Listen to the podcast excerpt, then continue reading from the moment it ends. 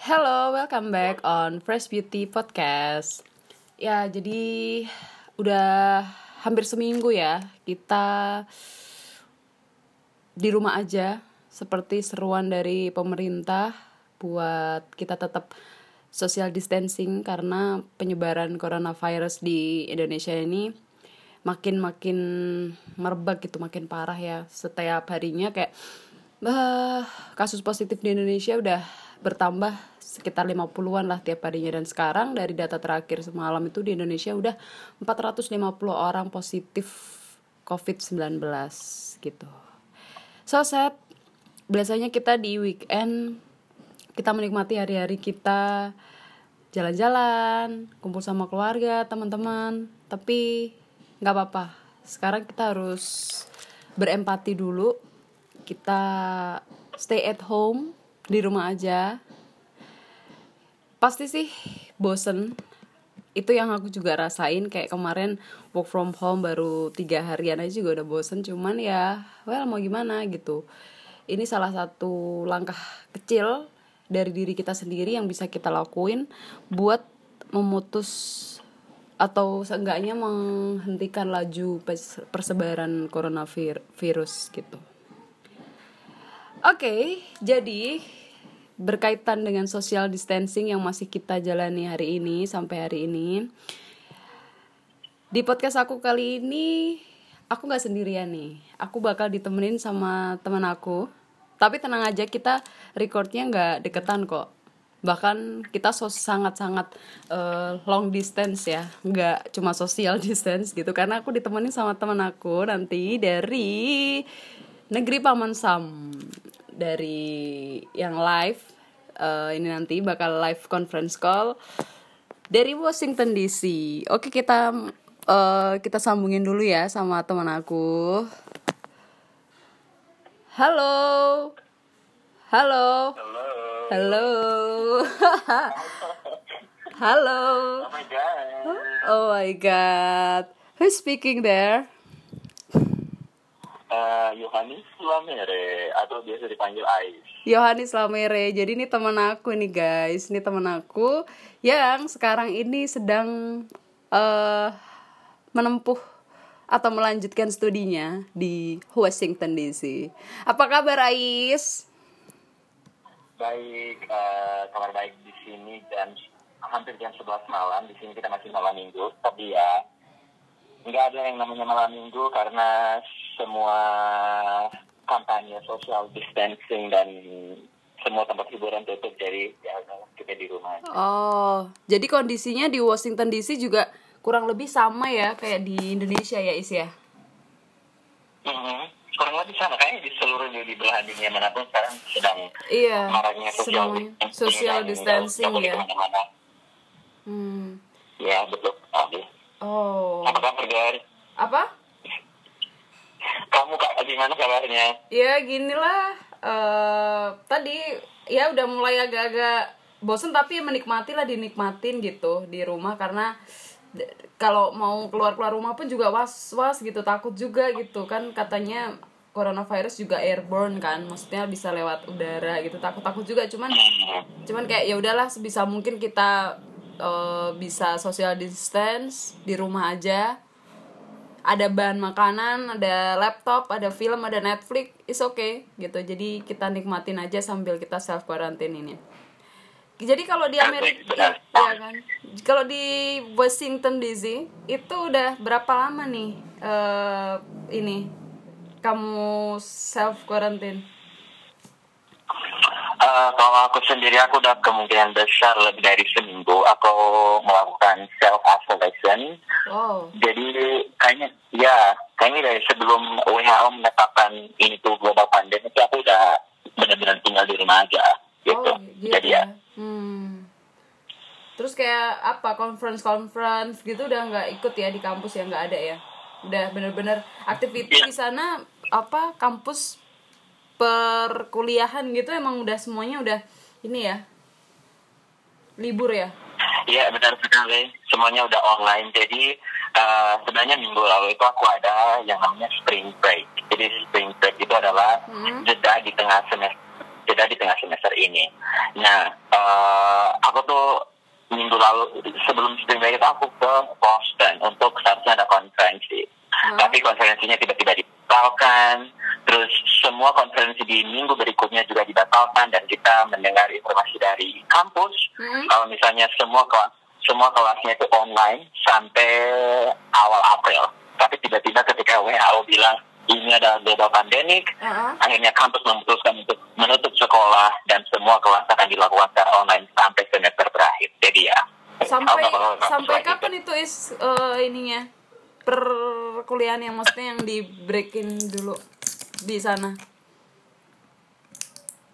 Oh, eh, spring breaknya Ha-ha. maksudnya. Ha-ha. sampai di end Spring break itu sebenarnya cuma satu minggu. Jadi Ha-ha. dari tanggal 9 sampai tanggal 14. Jadi Senin kemarin ini udah mulai lagi kuliahnya. oh tapi kan enggak tapi kan tadi katanya lu bilang setelah WHO menetapkan coronavirus as a uh, global pandemic kan terus diperpanjang tuh sampai kapan tuh? Jadi sampai kapan jadinya uh, breaknya? Sampai tanggal sampai tanggal 5 Mei. Jadi semester ini berakhir sampai tanggal 5 Mei dan kita nggak kita nggak bakal ke kampus lagi.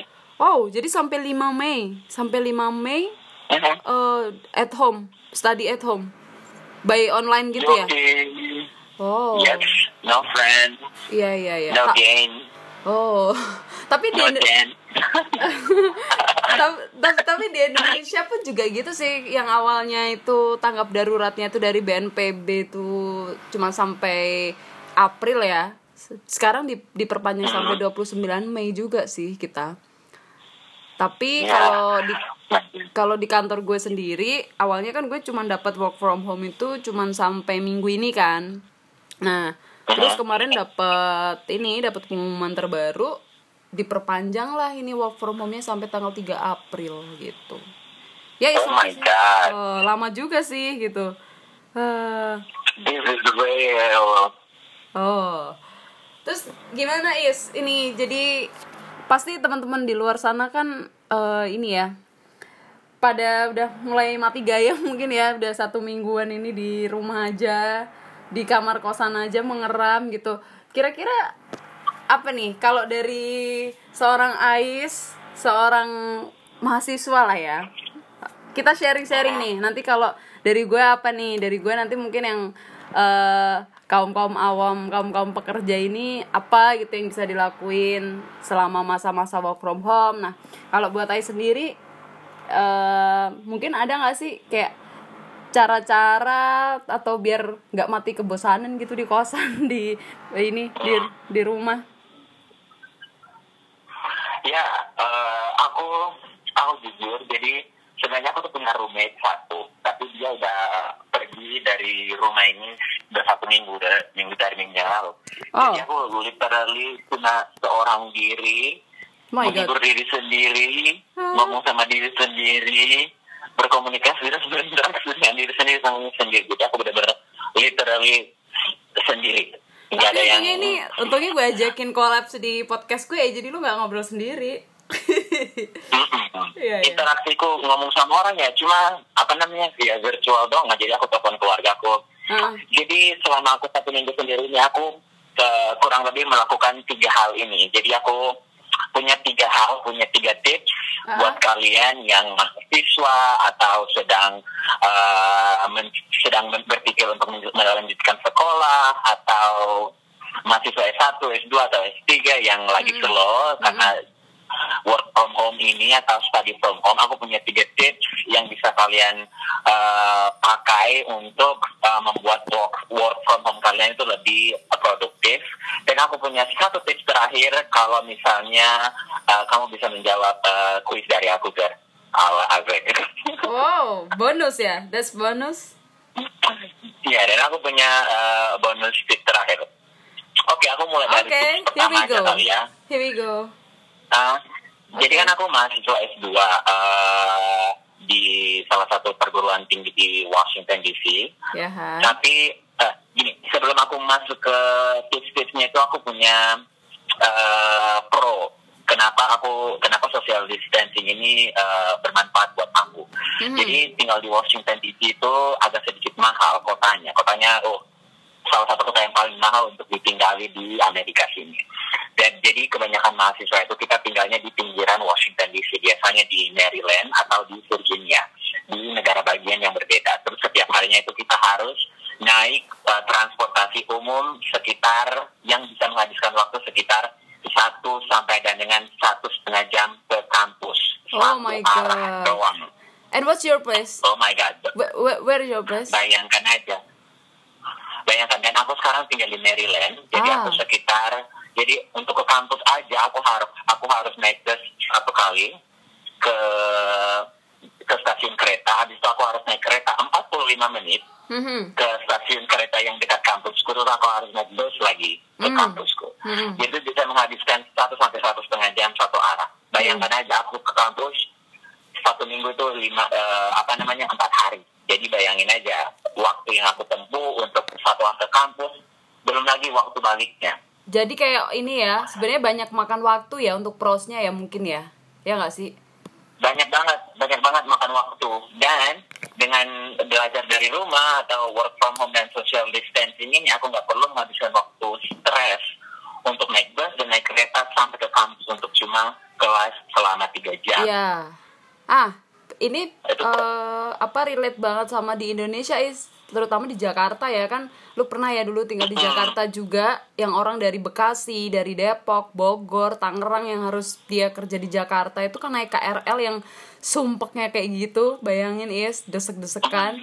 Dan itu perjalanannya itu setiap eh, sekali jalan itu bisa satu satu jam sampai satu setengah jam sama kayak di tempatmu yang Maryland ke Washington DC tadi. Jadi mungkin prosnya ini ya pertama kayak kita bisa efisiensi waktu nggak sih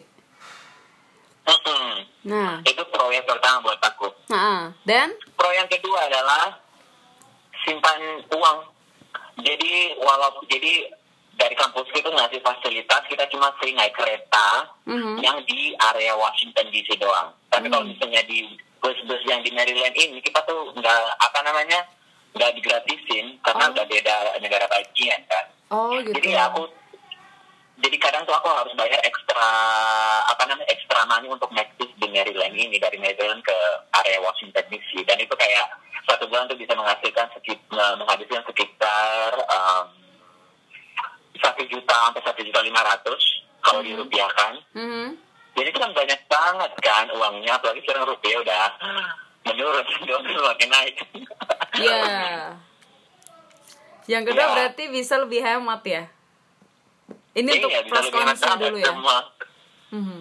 Iya, semua uang transportasi itu tuh bisa aku akumulasikan untuk beli barang-barang yang aku sukai gitu. Oh. Tapi kalau di Itu pro dari aku. kalau dari gue enggak nih eh, sebenarnya pro dan kontra Hmm, juga kalau sih dari lu gimana? kalau dari gue gini jadi eh, memang ke kantor pulang kantor itu kan gue kan naik eh, ini ya ojek online ya go, go gojek atau grab gitu kan. Dan itu sekali jalan itu bisa kayak sepuluh ribu dua belas ribu gitu pp dua puluh dua ribu. Nah ini kalau gue dapet work from home nya itu kan kalau sampai tanggal 3 April kan berarti gue 15 hari kerja kan tiga minggu tuh.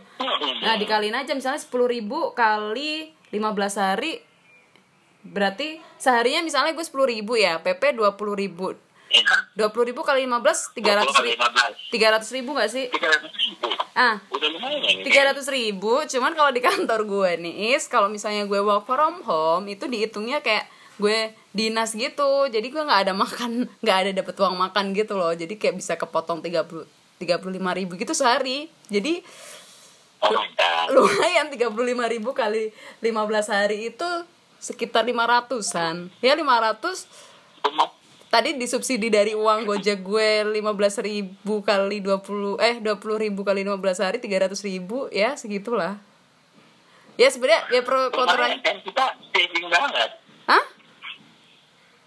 Kita apa namanya time saving, money saving, semua itu saving banget. Kalau gue lebih ke time saving mungkin ya. Terus juga kayak Hmm. apa namanya? Tapi kalau untuk money saving justru ini jari-jari gue ini selama work from home ini, selama stay at home ini tuh sering banget gitu bukain Oh. bukain apa namanya? Oh, tempat-tempat ini online shop atau eh, market marketplace marketplace gitu loh. Jadi itu yang kadang aduh uang makan dipotong tapi pengeluaran juga tetap gitu kayaknya tapi tapi sih so far kayak ya udahlah eh, kita invest di kesehatan lah ya maksudnya untuk keamanan keamanan ya istilahnya kita sehat kita tetap jaga kesehatan kita juga masih tetap digaji udah alhamdulillah lah gitu sih gitu aja sih tapi eh, dipotong sih buat gue sih it's not a big deal sih nggak apa-apa gitu oke Benar. kita lanjut. Oke, tadi aku udah ngomongin pro, kenapa aku suka banget work from home ini untuk saat ini. Hmm. Um, Oke, sekarang kita masuk ke tips yang aku bilang tadi. Yang pertama, Kak, ini konteks aku sebagai mahasiswa ya. Haha. Yang pertama, aku tuh me- mendaftar dan mengikuti online course yang gratis. wah nice Nah, jadi eh, ketika misalnya aku masuk S2, aku udah apa namanya mikir banget ketika aku nanti selesai S2 aku biasanya mau ngapain, Mhm. eh, skill-skill yang skill-skill praktikal apa yang ingin aku dapat dan kadang skill-skill praktikal itu tuh nggak diajarkan di kampusku gitu loh atau diajarkan di universitas gitu loh. Ah. Bisa aja memang universitasnya tuh nggak punya konsentrasi atau fokus ke skill yang kita mau cari Mhm. atau bisa aja nggak ada dosen yang ngajar itu. Nah, salah satu caranya adalah kita lihat di luar sana tuh banyak sekali online course Mhm. yang uh, menawarkan skill-skill atau ilmu-ilmu yang nggak kita dapat di universitas kita. ya Nah, dua situs yang aku rekomendasikan buat kalian untuk Mhm. bisa cari online course itu adalah situs yang namanya Acumen. Se- Cara spellnya adalah A C U N E N Acumen. Dan situs yang kedua adalah ya situs yang kedua adalah Coursera. Spellnya Coursera adalah uh, K O U R S E R A Coursera. Coursera Nah.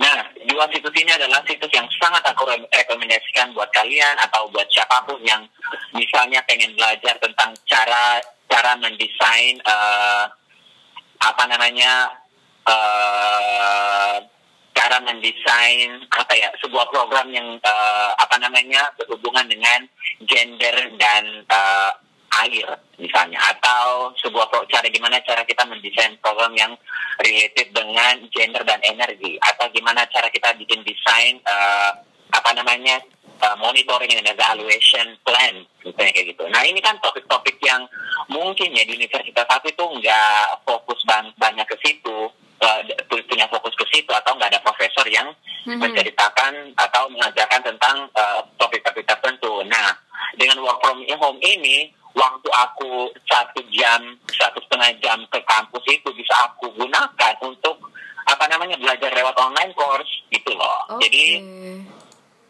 mm, gitu. Jadi aku sangat produktif. Jadi ketika aku nggak ada kelas, nggak ada kelas online, aku langsung buka online course dan eh, aku enroll di kelas aku yang eh, di kelas yang aku sedang daftarin itu. Oke, got it. Jadi pertama kita ini ya join on- online course gitu ya. Mm-mm. Ini sama sih Is. Jadi di kantor gua di Kemenq itu. Kalau kamu gimana, Gar? Sorry Jadi aku lupa nanya. ini kalau di Kemenq, gue kan Jadi kebetulan lebih kelihatan interaktif. kalau gue kan work from home ya jadi setelah setelah gue tuh udah koordinasi apa kerjaan gitu sama partner gue via email atau via wa itu udah beres gue biasanya kayak eh di kantor gue punya situs sendiri buat e-learning is gitu. Jadi di situ banyak banget kayak eh, kuis-kuis atau materi-materi pembelajaran tentang apa eh, pekerjaan lah gitu. Maksudnya e-learning tentang nggak nggak nggak melulu soal apa pekerjaan teknis sih tapi bisa lebih ke kayak peraturan peraturan terus kayak tata cara beretika sebagai seorang ASN itu gimana kayak gitu sih gitu. Jadi Oh my god. gitu jadi kita punya satu situs itu is di apa namanya di government gua di Kemenq gitu. Jadi tuh ada e-learning. Nice. ya ada e-learningnya gitu. Jadi di situ ada video peraganya terus ada apa namanya ada PDF-nya ada latihan-latihan soalnya juga kayak gitu. Jadi That's amazing. Uh, ya makanya jadi selain gue tetap bisa selain gue tuh habis ngisi logbook gue jadi kan gue selama work from home ini work from home kan gue disuruh ngisi logbook gitu kan apa aja yang gue kerjain kan. Nah setelah kerjaan gue beres ya itu gue bisa uh, itu bisa e-learning atau kalau enggak gue bisa baca majalah media keuangan. Jadi di kita kan Iya. apa ya informasinya informasi publik di kantor tuh lumayan terbuka gitu loh jadi kita bisa download eh, majalah tentang perkembangan keuangan di Indonesia edisi Maret gitu by PDF-nya kayak gitu-gitu Nice. gitu sih terus kalau gue gue gue, Ya. gue sukanya work from home gini is gue bisa melakukan beauty rutin gue sambil gue kerja Oh, snap, snap, snap. jadi gue jadi gue tetap bangun pagi nih walaupun apa walaupun istilahnya gue nggak mesti ngantor tapi gue tetap bangun seperti biasa gitu. Gue tetap bangun pagi terus habis itu kayak Mhm. uh, mandi terus habis itu bisa maskeran bisa luluran sambil di depan laptop gitu. Coba kalau di kantor kan nggak bisa. Jadi gue tetap bisa. Jadi punya banyak eh punya waktu lebih untuk beauty rutin gitu buat gue sambil Oh, nice. Ya. Jadi luluran luluran sambil ini ya ngobrol sama apa namanya atasan atau rekan kerja. Iya, tapi gue sih di kantor itu ada semacam SIC gitu is selama work from home ini.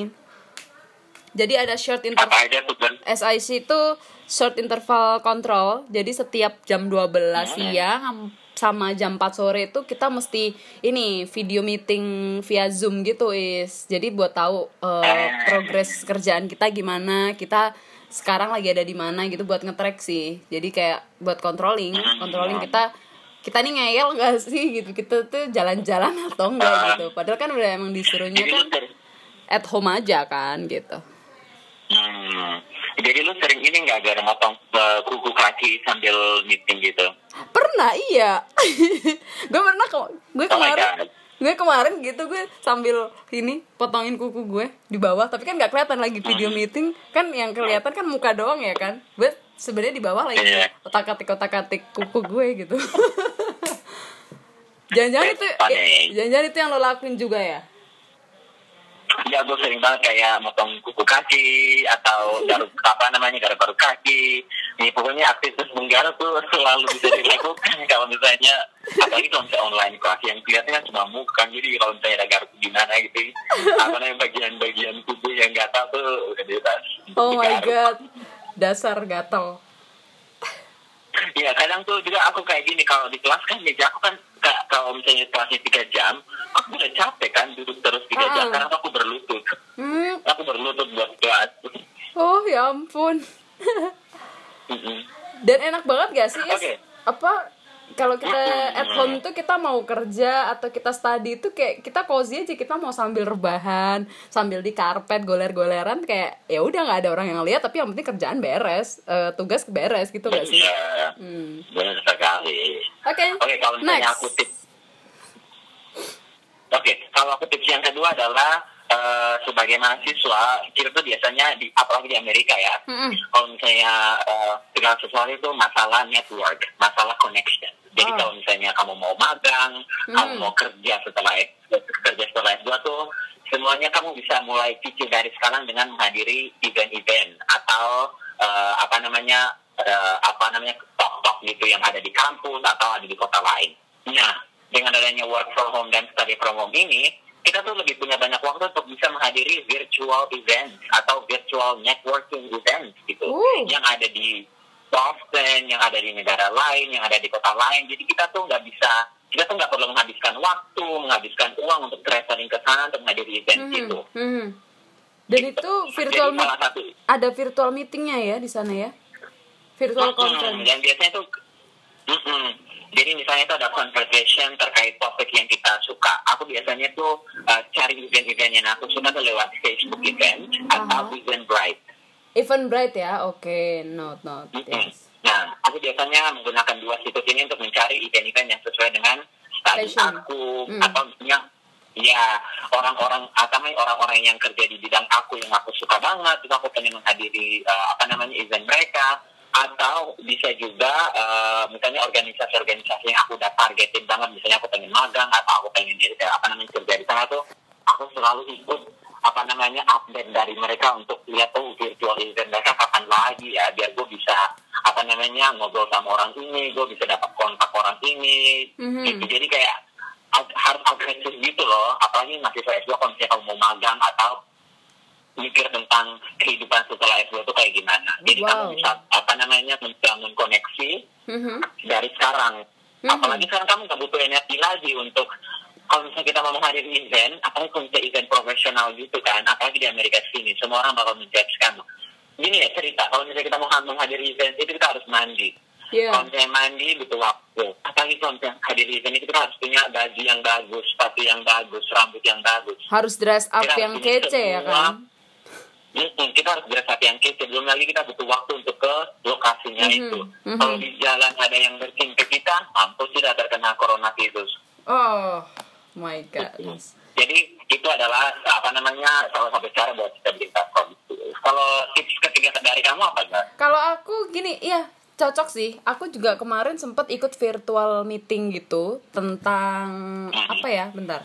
Jadi eh, ada sih, aku kan memang concern sama isu-isu perempuan gitu kan is. Jadi kemarin aku sempet join eh ini, sempat join virtual meeting juga soal apa? Soal eh, perspektif wanita dalam berkarya gitu. Kemarin sempet ikut juga. Ya. Jadi Nah, itu bisa lewat bisa update-nya bener lewat ev- event bright ya. Di Indonesia juga ada itu.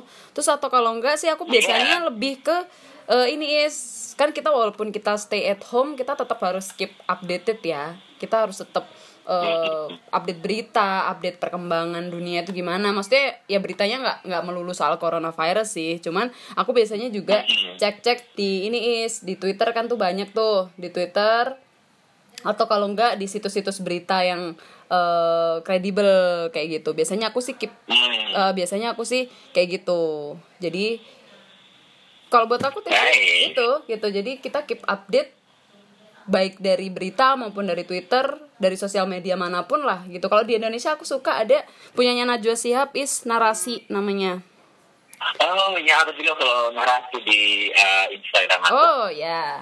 Kalau di Amerika pun aku juga ngikutin itu yang VOA Indonesia ya, yang makanya yang kabar-kabar apa dari Amerika itu biasanya aku Ah, dari nice. VOA, terus kalau dari UK biasanya BBC ya, BBC BBC itu yang biasa aku ini juga aku follow CNN kayak gitu gitulah. Hmm. Kalau untuk Indonesia di Indonesia sih itu sih paling yang rekomen ada tuh salah satunya narasi yang punya Najwa itu. Dia banyak banget dia dari mulai dari feel eh, apa ya dia punya banyak kanal gitu loh. Punya banyak kanal dari musik dari film terus dari berita-berita yang serius pun juga ada sama aku ini is. Kalau aku suka dengerin podcast kan. Nah di Spotify aku eh, di Spotify selain aku nih juga creator aku nih ini ya salah satunya nih dengan aku conference call sama kamu ini. Ini salah satu cara aku buat produktif loh aku bikin konten podcast gitu. Gitu jadi Iya. selain jadi konten podcast ini juga bermanfaat untuk orang lain kan. betul. Jadi kan ini kayak selain ngisi waktu gue selain ngisi waktu juga ini kan apa ya kayak ngembangin kita dalam berpikir gitu gak sih ketika kita bikin konten Ya. kayak gini tuh kita tetap keep apa ya kita tetap ya. tetap berpikir tetap sambil ngobrol tapi ada isinya gitu loh is gitu kalau aku sih kalau aku sih sambil Iya. dengerin ya buat hiburan sih podcast biasanya nggak harus yang podcast nggak harus podcast serius sih kayak podcast podcast receh-receh gitu lah juga nggak apa-apa sih yang stand up komedi atau apa gitu-gitu aku suka gitu Wow, beda banget ya gue mahasiswa dan lu sebagai workers, pekerja, pekerja, pekerja. soalnya beda banget gitu loh omongan kita sekarang. Hmm. Lu bayangin aja dua tahun yang lalu atau empat tahun yang lalu ketika kita di kampus bangku S1 omongannya tuh nggak ada yang bener semua omongannya Oh. nggak ada yang masuk akal. Kalau dulu kan sibuknya apa? Online dating ya? Asik itu lo kali Ger eh tapi online dating sekarang pun juga stay at home is okay. Nggak apa-apa. Kan kita tetap social distancing tapi bukan berarti kita mengabaikan ini loh. Tapi sih gue udah gue udah udah udah, udah nggak main lagi sih is. Oke eh, ada gue punya aplikasi beberapa aplikasi online dating di Amerika sini tapi ketika salah satu barriernya adalah ketika lu match dan ketika lu udah apa namanya memulai pembicaraan di online dating itu adalah lu nggak bisa ketemu sama orangnya karena social distancing ini lu harus tahan. Oh gitu. Lu harus jadi menahan- Hah. iya. Wow, jadi sampai aturan punya kantor untuk ketemu sama orangnya gitu. Oh, jadi sampai di online dating pun aturan social distancingnya pun dia di diberlakukan ya. Jadi kayak ya udah. Enggak sih. Enggak sih, Gar. Maksud, maksud dia adalah itu aturan pribadi sendiri gitu loh. Kalau yang nggak mau Oh, apa namanya I see. menaruh diri lo dalam resiko Ah, ah, ah, apa ah. namanya mengambil perjalanan selama satu setengah jam untuk bertemu seseorang yang lu baru ketemu beberapa jam lalu di online dating itu kan gak easy. Oh iya, betul betul. Oke, oke, oke. I get it. Nah, tadi udah berapa udah berapa tips sih kita? Nah ini tips terakhir gue. Tips ketiga ya? Ya, Ini- udah tiga kan, gue belum tiga. Iya nih ketiganya lu nih. Anjir ini banget ya, eh, ini banget keadilan. Oke, terakhir dari gue adalah ini nggak related sama apa namanya kehidupan akademis gue, tapi ini sangat berhubungan sama dengan uh, well-being gue, kayak kesejahteraan pribadi gue. Uh. Nah biasanya tuh gue gue tuh punya notes. Mhm. Uh, biasanya tuh ini diary, gue punya diary gitu kan. Mhm. Nah, diary gue ini gue udah mulai tulis sejak tahun 2015. Hmm.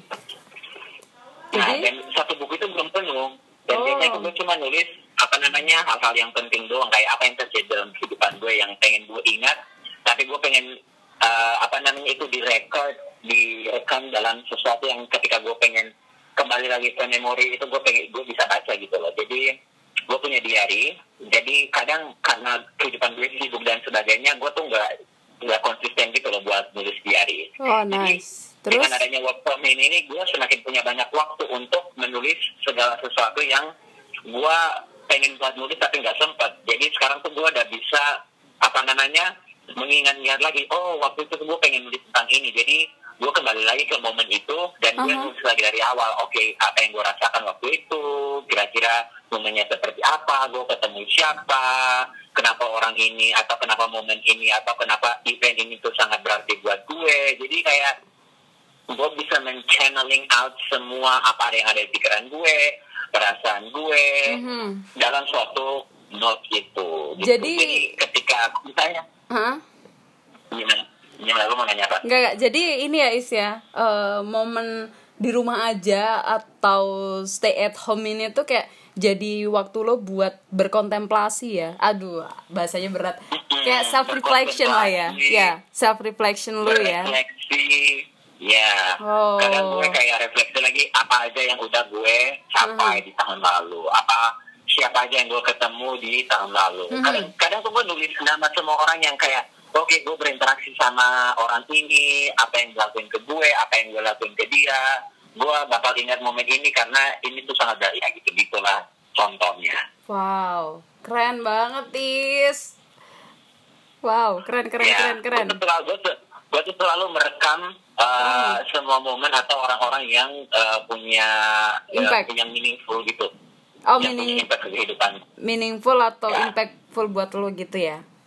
Ya, walaupun itu sedih atau senang, gue selalu rekam itu. Mhm. Gitu. Oke oke keren keren keren keren. Bisa juga tuh ya eh, guys dicontoh nih kayak si Ais stay at home bisa buat cara kita berkontemplasi atau refleksi gitu. Dan, Wow. Tapi, tapi gue nggak memulainya. Tapi yang bedanya adalah gue nggak memulainya dengan dear diary. Gue nggak memulai dengan itu. ya soalnya itu bukan diary juga ya kan? Kan bukan iya itu. kan gak, gak harian lo bikinnya. Iya kan harian kan gue bikinnya per lima tahun. Per lima tahun. oh my god, so long Iya, time. gue bikinnya tuh kayak mungkin per Ya. bulan atau per Ah. tiga bulan gitu-gitu. Wah. Ah, kalau gue ada hal seru lagi nih, eh, atau bukan hal seru ya, maksudnya hal yang bisa kita lakukan selama kita di rumah aja nih, Is. Jadi, yang pasti Mhm. semua orang pasti suka ini. Movie marathon. Oh my god, oh my god, yes. Uh, Since gue nggak nggak bisa join event-event race marathon ya kan karena banyak acara-acara lari yang dibatalin. Kayak acara lari gue yang nanti bulan April is di Singapura kan dipospon kan gara-gara coronavirus ini. Jadi untuk menggantikan race marathon gue, gue ganti dengan movie marathon di Netflix gitu bu. Oh yeah. Sama kan lu juga pasti suka ngikutin ini juga kan lu juga pasti hari-hari movie marathon kan. yes, betul sekali. Tuh. terus selain movie maraton bisa juga ini is gue tuh punya jadi selama dua tahun terakhir ini gue tuh suka beli buku ya kan gue suka beli buku-buku tentang self improvement kayak gitu-gitu ada kali ada empat atau lima buku yang gue beli tuh cuman gue belum selesai baca nah mungkin waktu Oh mungkin tem- mungkin teman-teman di luar sana juga ada nih yang em, nasibnya kayak bukan nasib ya maksudnya kayak kayak gue yang suka beli buku tapi nggak suka bacanya bahkan nggak dihabisin bacanya. Nah ini mungkin bisa jadi kesempatan kita kita punya waktu luang lebih lama kan. Nah itu bisa dihabisin tuh buku buku-bukunya bisa dihabisin tuh gitu. Benar. Em, apa namanya film terakhir yang lo nonton apa gue like gue ini Atau Iya, Oh. gue gue kemarin nonton ini sequel gitu eh, Christmas Prince. Jadi ceritanya tentang cewek biasa aja, jurnalis yang dia akhirnya nikah sama prince gitu loh, Is dari kerajaan Aldovia. Itu gue suka banget. wow. itu gue suka banget itu jadi jadi ada tiga sequel ada tiga sequel itu tuh sequel pertama itu tentang pencarian. Jadi dari si Prince sama si cewek biasa aja itu mulai kenal sampai dia jadian. Terus yang kedua se- sequel tentang royal weddingnya. Terus yang ketiga sequel tentang royal babynya. Jadi dia habis nikah terus dia uh, punya baby gitu. Pokoknya kayak cerita-cerita dongeng gitu. Tapi gue gue menikmati banget kehaluan gue. Kehaluan gue di saat-saat lagi boring kayak gini. Li- apa nonton film yang romance yang halu-halu gitu. Gue seneng banget sih gue butuh hiburan biar nggak stres coy Oh, ya. kalau lu apa Ya, kalau lu apa kalau lu apa film yang lagi lu suka Gua ini sih, gua nggak terlalu nonton film sih. Mhm. Eh, tapi gua nonton apa Series. nih? em, series kayak- iya, kayak serial Netflix. ah serial Netflix eh, yang gua maraton ini ini nggak pas ini ini nggak pas. Apa namanya work from ini sih. Tapi gua maraton eh, film itu pas eh, apa namanya show itu pas. Mhm. Christmas break. Jadi eh, apa namanya eh, sebelum coronavirus eh, waktu itu udah coronavirus juga sih. Sebelum coronavirus datang di Amerika. Aha. Gua nonton serial namanya You. Uh yang ini ya yang lu pernah cerita apa namanya pemeran cowoknya tuh mirip lu gitu kan Yes, correct. Oh my Jadi God. kalau misalnya kalian apa namanya, kalau kalian penasaran eh, apa namanya tentang serial itu, jadi itu pokoknya ini tentang ini serial killer ah tentang eh, laki-laki yang dia mencintai ketika dia mencintai seseorang, Hmm. itu dia bakal berusaha untuk melindungi seseorang ini sampai tuh kayak dia nggak sengaja bunuh orang-orang yang deket sama si yang dia cintai ini. oh gitu. my god wow Wow, Wow, sangat menakutkan wow, ya. wow. Tapi enggak, gue maraton dalam tiga hari itu gue menyelesai, menyelesaikan satu Season. satu season gitu, kayak season itu selesai. Nah, Terus itu. dalam waktu Hah? satu minggu kemudian season dua udah selesai, gue kayak oke season tiga kapan datang? Ya Tuhan, kalau nah kalau gue tuh sebenarnya kalau di Netflix gue kurang suka sama gue kurang bisa apa yang season season gitu loh, yang series gitu. Karena gue orangnya nggak bisa istiqomah gitu loh, is. Jadi kayak aduh Hmm. yang yang series yang gue tonton apa namanya seriesnya tuh episodenya gue tonton sampai selesai itu baru season 1 yang Lucifer itu loh. Gue gue lumayan suka itu. Cuman kayak aduh bosen mbak. Ah, Lucifer gue suka. Nah cuman kalau mau nerusin yang eh, seri-seri lain itu gue kayak aduh gue butuh waktu banyak nih. Makanya gue lebih sukanya kayak film-film eh, yang sekali abis sekali abis gitu gitu. Kalau ada sequel nggak apa-apa sih gitu. Sama yang apa sih yang eh, ini ya yang romance juga yang ya yang apa yang judulnya for the bef eh, the boy before apa itu gue lupa. Before Flower. no that's Korean drama ya pokoknya itu lagu gue nggak suka. Ya? Gue nggak suka yang seri-seri gitu. Gue lebih suka yang film-film sekali abis gitu sih. Eh tadi lu tadi lu bilangnya ini mau kasih bonus tips. Oke, gue punya bonus tips, tapi lo harus menjawab tebak-tebakan dari gue. menjawab apa? Lo harus menjawab tebakan, eh, menjawab kuis dari gue. Eh, sebagai pembuktian kalau lo tuh teman gue sudah kuliah. Oke, kita buktikan. Oke. Kita buktikan. Oke, Gar, tanggal Hmm. lahir gue kapan? Yes, of course I know. Apa? aku tahu lah kamu tuh lahir you was born on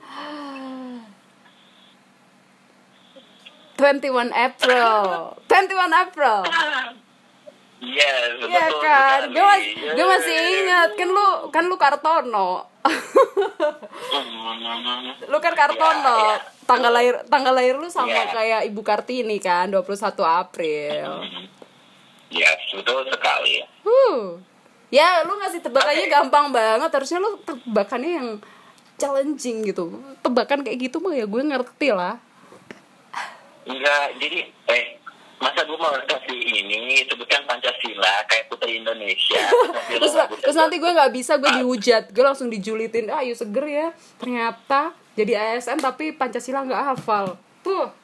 Ya, Ah, coba gue lu deh gue tes deh. Lu kan sekarang udah tinggal setahunan lebih di Amerika. Jangan-jangan lu lupa lagi Pancasila. Sebutkan sila ke empat. sila keempat akhirnya dipimpin oleh lima kebijaksanaan dalam permusyawaratan perwakilan. uh ternyata nasionalisme lu masih ya keren oke oke Gue kalau ngasih lo tips terakhir, Hah? bonus tips. bonus tips gue ngasih nggak buat ngasih lo ya eh, jadi ini tips buat eh, pendengar-pendengar fresh beauty yang masih eh, apa namanya S1 atau udah ke- lagi kerja dan berpikiran untuk eh, melanjutkan S2 S2 eh, either dalam negeri atau luar negeri.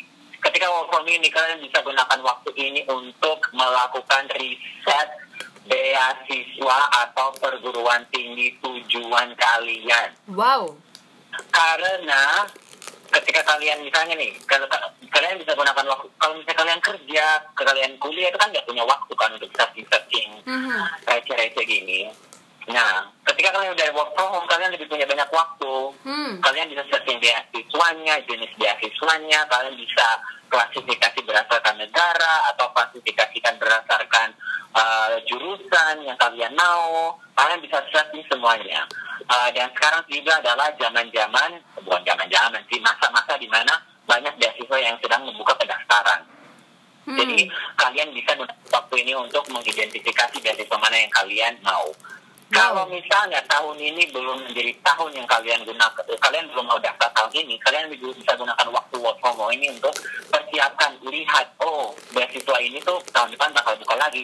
Kira-kira requirement-nya apa aja ya yang bisa aku Hmm. dari tahun ini. persiapin requirement-nya berarti ya kalau misalnya emang tahun ini belum bisa apply ya mungkin ya hmm ini tipsnya relate buat gue juga nih Kis iya, lu juga. Soalnya gini loh, Dar, banyak tuh yang mau apa namanya daftar beasiswa bulan Maret, Hah? mereka baru mikirnya itu bulan Januari. oh so late Mm-mm. gitu. Jadi, Oke, ah. kira-kira menurut lo bonus trip tips gue berguna nggak? Oh, sangat aja? sangat combo is itu berguna banget sih. Bener-bener bener gue bahkan gak kepikiran gitu buat searching. Oke, habis ini gue bakal uh, surfing di internet gue. Gue bakal lihat-lihat nih kayaknya. Kampus-kampus apa sih yang uh, kira-kira buka, yang kira-kira ada jurusan yang gue passionin gitu. Oke, thank you. Thanks for the sharing. Thanks for the wacana ya. Nah, ya. Oh ya, gue mau kasih tips terakhir juga deh ini. Jadi Mhm. walaupun kita Bonus tuh, ah, Ya lanjut, lanjut, lanjut. iya ya. Jadi gue mau tips terakhir. Jadi karena coronavirus ini apa ya, sebisa mungkin kita bisa eh, terinfeksi, ya kan? Ah, gue ada tips Mhm. terakhir. Seenggaknya maksudnya ini untuk diri kita sendiri lah. Yang pertama yaitu kita mesti harus jaga kebersihan. Terus kita apa coba asupan gizi dari apa untuk tubuh kita itu diperhatikan jadi kita makan makanan sehat sama jangan lupa untuk keep workout gitu jadi misalnya nih kayak gue ya kayak karena makanan makanan yang bergizi sama olahraga yang teratur itu tuh kan bisa dipercaya ini ya bisa meningkatkan daya tahan tubuh kita kan bisa meningkatkan imun kita kan. nah itu jadi walaupun kita eh, stay at home atau di rumah aja itu kita harus tetap gerak gitu. Jangan cuma rebahan doang. Jadi paling nggak kita gerak lah 30 menit kayak gitu untuk workout gitu. Workout eh, at home itu di YouTube banyak banget. Nanti kalian bisa searching terus juga tetap makan makan makanan sehat dan karena punya waktu yang banyak di rumah jadi atau di kosan kita bisa sambil rapi-rapi sama bersih-bersih is gitu. Jadi tips terakhirnya paling itu sih. Jadi jaga kebersihan sama tetap mempersehat dan atau tetap jaga kesehatan diri kita. Gitu. Nice. Wow. Well said. Wow, gue, gue seneng banget nih Is uh, Teleponan nama lu hari ini kita berfaedah gitu ngorbalinnya Kalau biasanya kan kita julid, kita nyinyir-nyinyir gitu kan kalau telepon kan lu Ya semoga tips dari kita berdua bisa bermanfaat untuk pendengar-pendengar yang ada di luar sana Amin. yang from home atau study from home. Yes, ya semoga semoga bisa berguna ya. Pokoknya eh, tetap lu di sana stay safe and healthy ya Is ya. Karena di Amerika kan juga Thank you. juga Kamu lumayan juga. banyak kan ya. Hmm, oke. Lu tetap jaga Oke, diri. Oke, oh ya. Terakhir nih gue mau puterin sedikit lagu dari Michael Jackson, Heal the World. Semoga coronavirus ini bisa segera berlalu dan kita semua bisa menghadapinya dengan baik-baik saja. Oke, thank you Ais. Bye. Bye.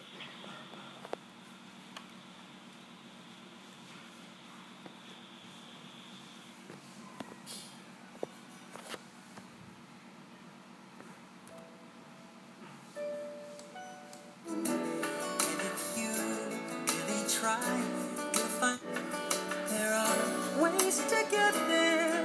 If you care enough for the living, make a little space,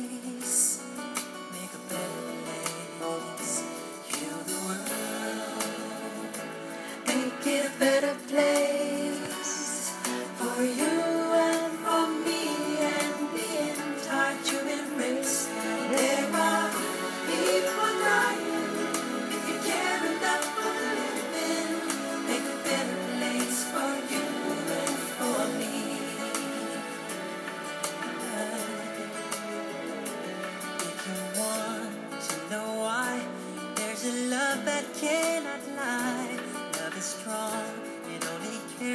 joyful giving. We try, we shall see. In this bliss we cannot feel.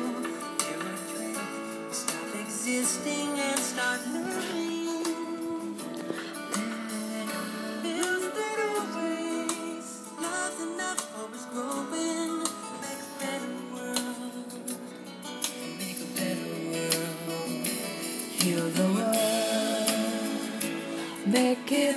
Place for you and for me and the entire human race. There are people dying.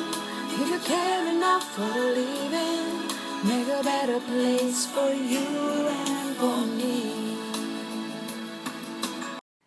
Hello, welcome back on Fresh Beauty Podcast.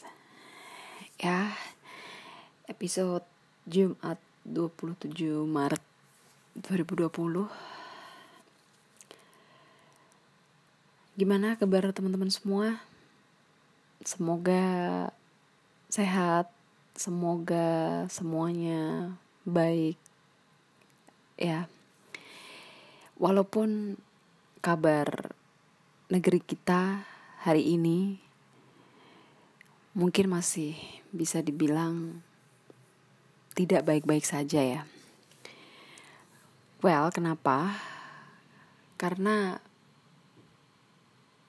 kasus eh, terkonfirmasi COVID-19 ini di Indonesia makin parah, makin memprihatinkan gitu. Per hari ini, per sore tadi, dari eh, Kementerian Kesehatan menyebutkan bahwa kasus yang positif tuh sudah tembus angka seribu. Wow. Eh, 1046 ya, 1046 kasus positif. Dan yang meninggal sudah 87 orang sampai hari ini.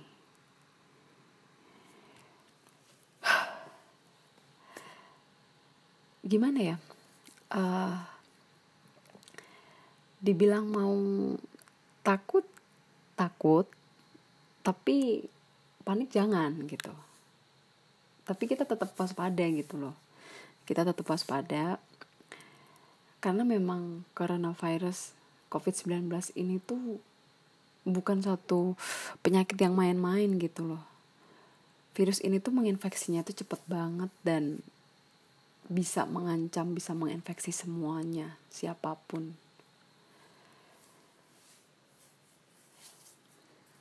Nah, di tengah kondisi apa krisis corona ya gue bilangnya di sini. Krisis corona di Indonesia ini ironisnya juga nggak sedikit dari tenaga medis, tenaga kesehatan yang notabene mereka itu adalah garda depan yang harus memerangi uh, virus ini. Mereka harus berjibaku untuk membantu merawat dan mengobati uh, para pasien gitu. Para tenaga medis ini juga terjangkit. So ironic gitu. Bahkan tadi uh, aku sempat baca data di Jakarta sendiri aja tuh yang sebagai epicentrum uh, coronavirus di Indonesia ini 42 uh, orang yang positif corona dari 355 kasus positif di Jakarta aja itu 42-nya itu adalah tenaga medis gitu. Wow.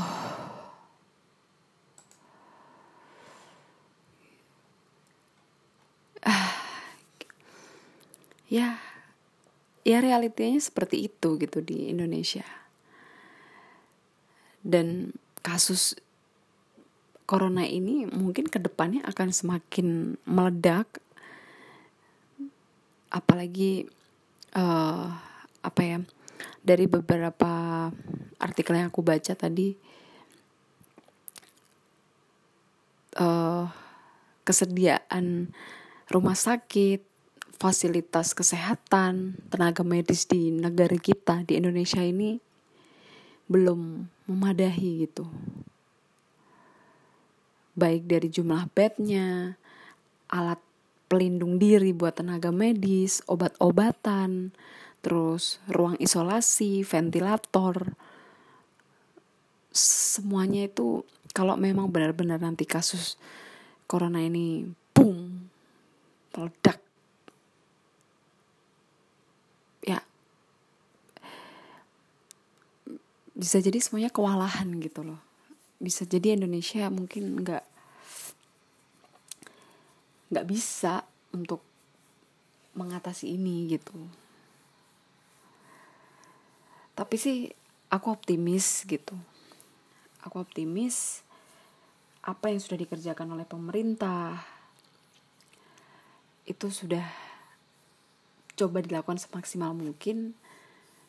Dan aku harap ke depannya mungkin soon ya soon very soon akan dikeluarkan kebijakan yang lebih uh, kebijakan yang lebih efektif lagi gitu.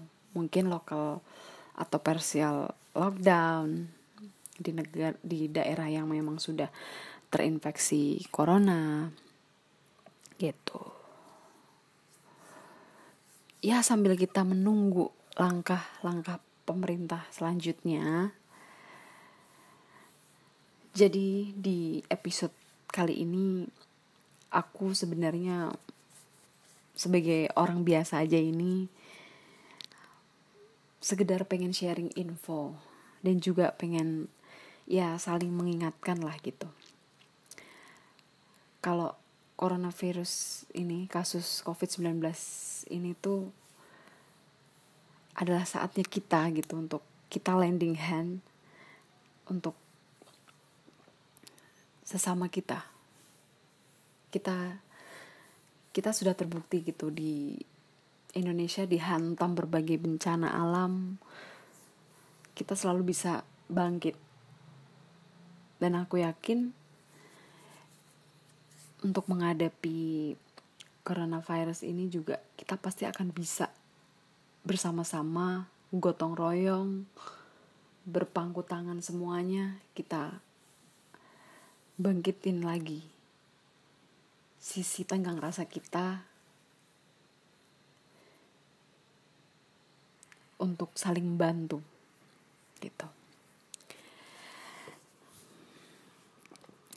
Ah ya kita ya aku kalian semua aku doakan. Yang alhamdulillah sampai saat ini kita masih sehat ya.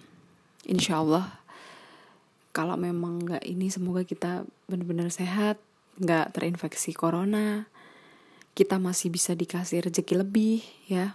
Mungkin buat berupa yang apa sih kayak kita masih punya pilihan gitu untuk work from home sehingga kita bisa stay bisa di rumah aja gitu.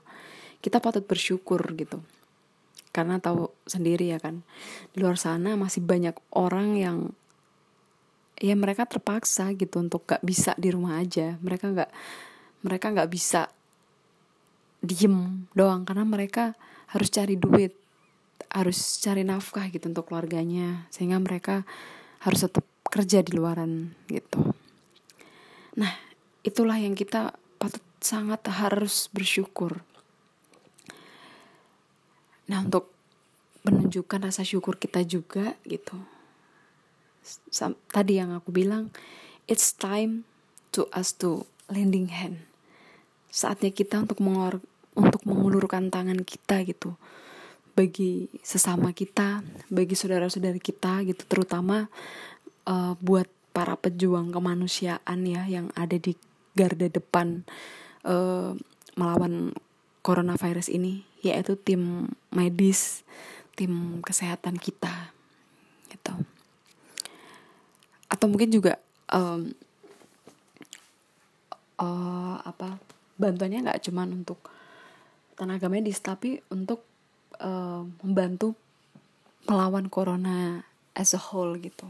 Jadi untuk bantuin pemerintah juga dalam penyediaan vaskes obat-obatan APD dan sebagainya. Nah, di sini mungkin yang bisa aku share adalah kita sekarang dipermudah dengan berbagai uh, teknologi, berbagai platform yang ada gitu. Ayo kita, kita yang punya rezeki lebih, kita coba untuk sedikit menyisihkan um, rezeki yang sepenuhnya itu sebenarnya memang kan rezeki itu ada bagian yang sebenarnya bukan bagian kita kan. Nah itu coba kita sisihkan untuk membantu lawan corona ini. Nah platformnya itu banyak banget. Platformnya mungkin kalau yang uh, familiar ya yang familiar di aku itu ada kita bisa uh, menyalurkan bantuan kita itu di kitabisa.com itu banyak banget di situ kampanyenya uh, apa kampanye tentang donasi bantu lawan corona ini.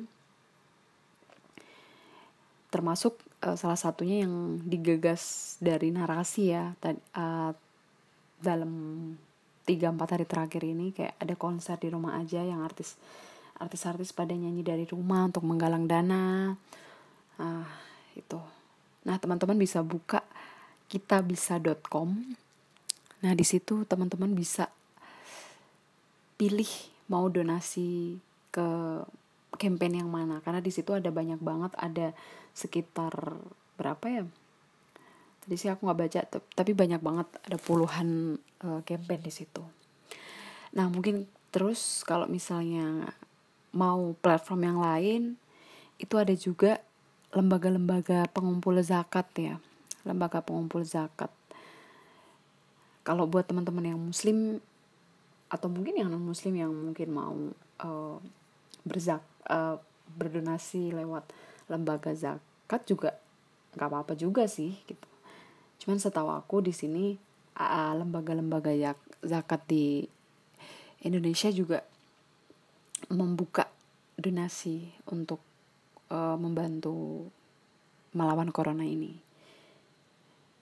Yang familiar yang pasti ada Badan Zakat Nasional tuh dari Basnas. Terus ada rumah zakat sama dompet duafa. Gitu. Nah, teman-teman bisa manfaatkan platform-platform itu untuk memberikan sedikit aja um, bantuan kita untuk saudara-saudara kita di luar sana.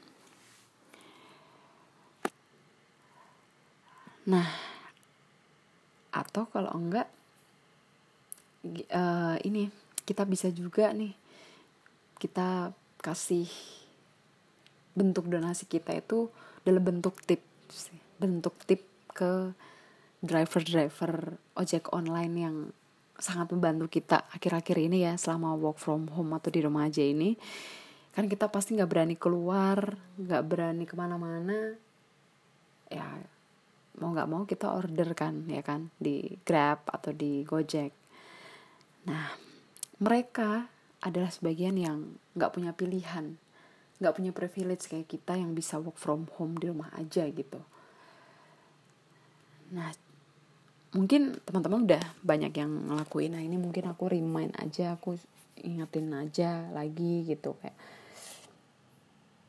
atau mungkin kalau yang kesehariannya nggak pernah mungkin aku juga jarang-jarang juga kasih tips gitu cuman untuk kali ini ya sebisa mungkin gitu untuk menghargai mereka yang rela berjuang di jalanan demi mengantarkan makanan atau barang-barang yang kita butuhin di rumah, di kosan gitu.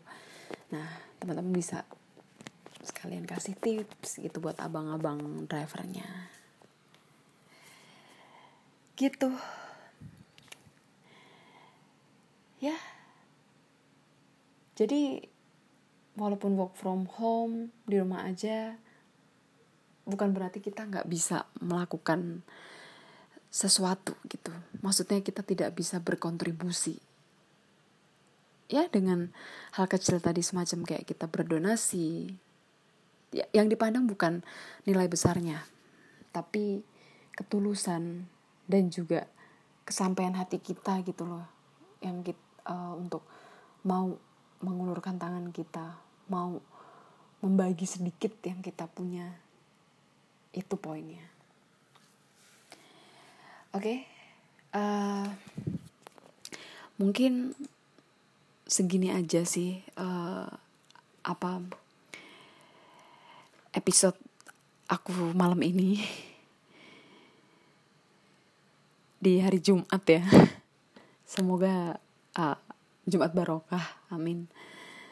Oke, okay, uh, oh ya di akhir podcast ini aku bakal ada sedikit cover lagu yang mungkin relate sama kondisi kita saat ini yaitu lagu dari Michael Jackson judulnya We Are the World lagu ini untuk kita semua cause uh, we are the world we are together as one gitu aku yakin kita semua pasti bisa melalui semua ini. Insya Allah. Oke? Okay? See you on next episode. Happy weekend. Stay safe and stay healthy. Teman-teman di rumah aja ya. Oke. Okay. This is We Are the World.